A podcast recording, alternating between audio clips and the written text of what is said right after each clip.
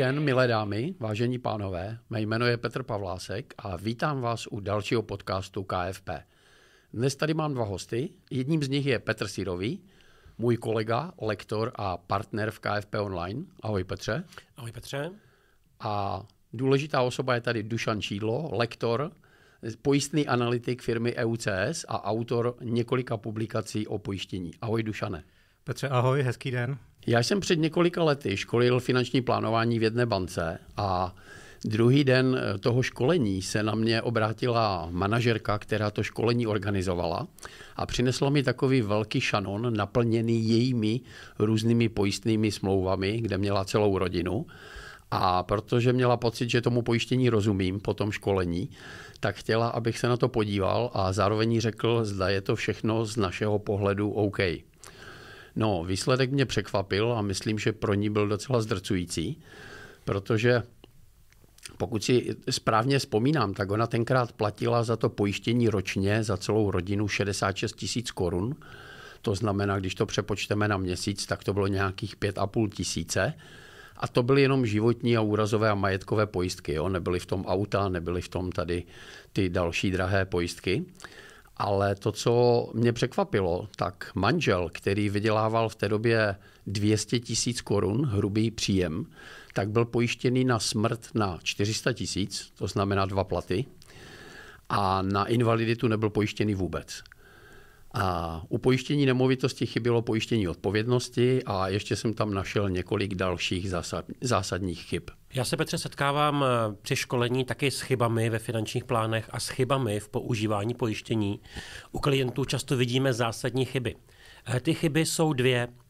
První, buď to je pojištěná každá maličkost a ten klient eh, platí spoustu peněz za pojištění, ale potom mu chybějí peníze eh, na další produkty, chybějí mu peníze na eh, finanční nezávislost, chybějí mu peníze na studie dětí, na hypotéku. Často se poradci setkávají s tím, že říkají, klient nemá volné peníze na to, aby si tu hypotéku mohl, mohl vzít.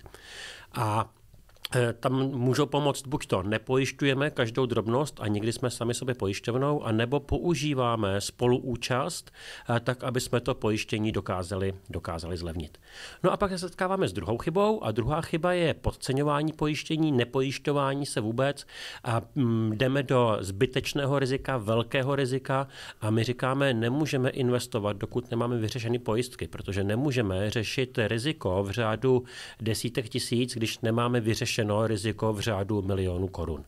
No a klienti nebo poradci často mají eh, takovou nechuť pojišťovnám nebo nemají rádi pojišťovny, protože s nimi mají špatnou zkušenost a říkají, buď to mně se nikdy nic nestalo, anebo říkají pojištění je k ničemu, protože pojišťovny stejně neplní. Je to tak, Dušane? Tak eh, nadávat na pojištění a pojišťovny obecně je velice líbivá záležitost. Nicméně, když se člověk podívá do statistik a výročních eh, zpráv pojišťoven, tak tam objeví, že desítky miliard ročně pojišťovny vyplatí jak v životním pojištění, tak v neživotním pojištění.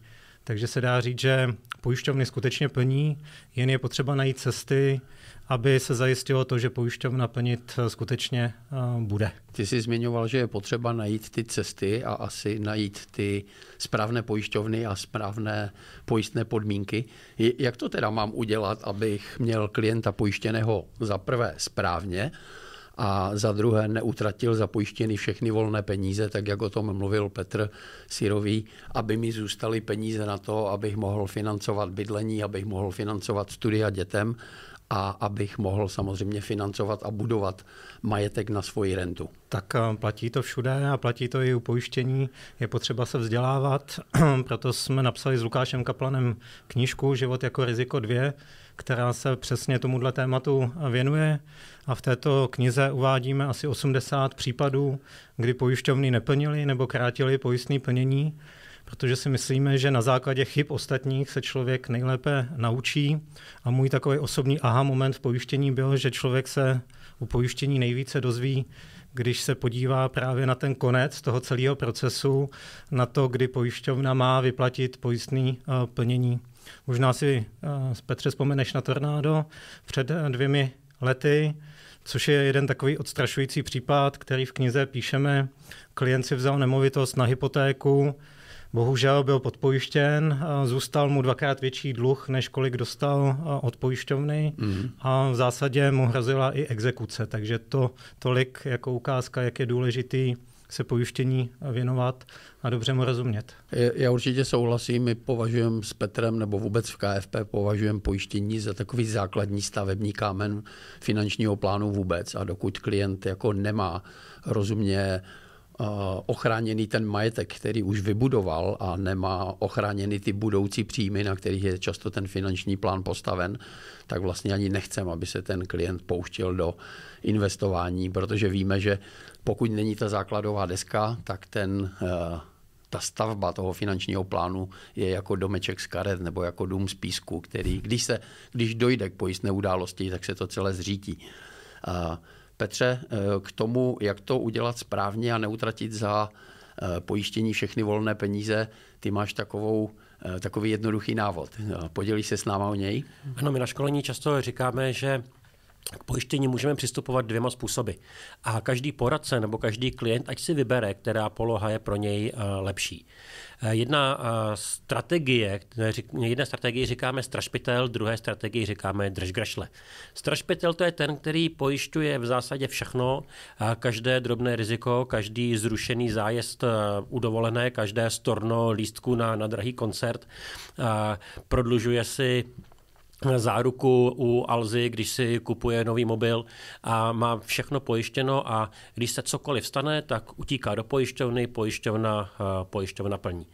Eh, druhý přístup je finanční držgrešle. To znamená, nepojišťuju skoro nic, pojišťuju jenom to, co je nezbytně nutné. Nezbytně nutné to je to, kde mám obrovské škody. Škody e, řádu milionů korun, škody, které nedokážu pokrýt vlastním majetkem a všechny ostatní věci, které jsou menší, které jsou drobnější, co je storno zájezdu, co je zrušení e, koncertu, co je e, rozbití mobilu po uplynutí standardní záruky, tak to hold, tady to riziko přijímám sám, tady to riziko platím ze svých vlastních peněz.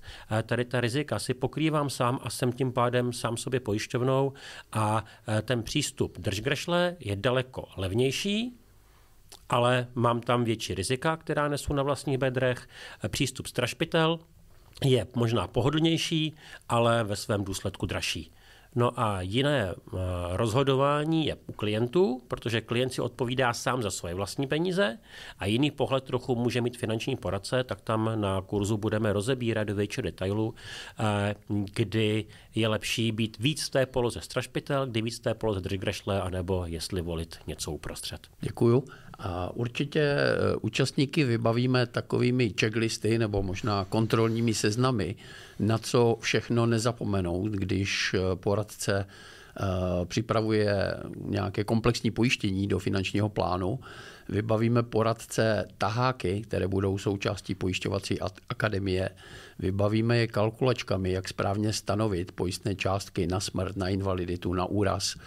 Na co ještě dalšího se zaměříme v pojišťovací akademii? Budeme mluvit o pojištění jako součásti finančního plánu, protože otázka často nezní, mám mít pojištění nebo nemám bez znalosti dalšího kontextu, ale vždycky musím zatím vidět konkrétního klienta, konkrétní jeho finanční situaci. Takže budeme se bavit o tom, kdy pojištění použít, kdy nepoužít, budeme se bavit o tom, kdy nám likvidní rezerva může sloužit jako pojistka, kdy ji můžeme použít jako samopojištění. Podíváme se na souvislosti pojištění a investování, souvislosti pojištění a hypotéky a budeme mluvit o likvidních rezervách. Přihlaste se do pojišťovací akademie EUCS a KFP ještě dnes.